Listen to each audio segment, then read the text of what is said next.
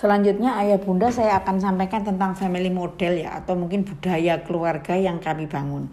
Ya semoga ini juga bisa memberikan insight uh, untuk bapak ibu. Yang pertama hal sederhana yang membahagiakan kami lakukan bersama adalah sarapan dan makan malam bersama.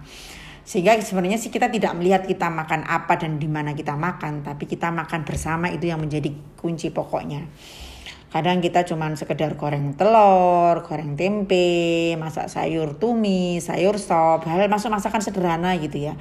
Di ketika sarapan maupun ketika makan malam. Bahkan um, sarapan dan makan malam ini menjadi prime time ya bagi kami begitu karena anak-anak memang saya minta semuanya ke dapur gitu ya saya masak dan anak-anak di dapur berikut suami juga saya minta di dapur. Terserah mau bantuin masak boleh mereka mau main handphone boleh baca buku boleh ngerjain tugas boleh gitu ya.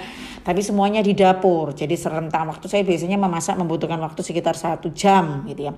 Tergantung kalau udah preparation dulu sebelumnya tinggal sereng-sereng-sereng gitu tinggal goreng-goreng maka mungkin bisa setengah jam. Tapi kalau enggak biasanya ini satu sampai dua jam ya kalau pagi misalnya jam 6 sampai jam 7 masak ntar sebelum maghrib itu saya juga masak ya pulang kantor tuh saya masak itu jadi memang uh, momen uh, sarapan dan makan malam itu menyenangkan mulai dari uh, me mengusulkan menu gitu ya melihat di kulkas isinya apa apa bisa dibikin masak apa kemudian dimasak kemudian dimakan bareng habis langsung pada saat itu kemudian cuci piring dan seterusnya gitu ya.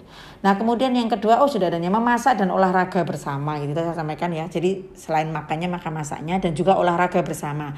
Nah olahraga ini supaya bisa dilakukan bersama maka dengan olahraga yang sederhana jalan kaki, jalan pagi ya jalan kaki jogging itu menjadi olahraga pilihan pertama kami alhamdulillah sih rumah juga rumah kami agak di desa sehingga jalan sedikit saja sudah ketemu sawah gitulah itu enaknya mungkin tinggal di Yogyakarta gitu ya kita paling jalan 10 menit sudah sawah-sawah begitu. Jadi memang olahraga bersama itu menyenangkan. Atau mungkin kadang sesekali, seminggu sekali berenang gitu ya. Nah kemudian yang ketiga adalah saling berbagi cerita. Nah ini menarik nih. Jadi bagaimana juga uh, kita sebagai orang tua bisa menanamkan nilai-nilai value gitu ya pendidikan anak itu dengan bercerita atau kita dengan mendengarkan cerita dari anak-anak. Jadi ketika jadi kepada anak itu kita tidak semacam polisi yang mengontrol kamu udah hafal berapa, kamu prestasinya apa, bukan itu tapi kita lebih mendengarkan cerita anak gitu ya, lebih mendengarkan cerita anak.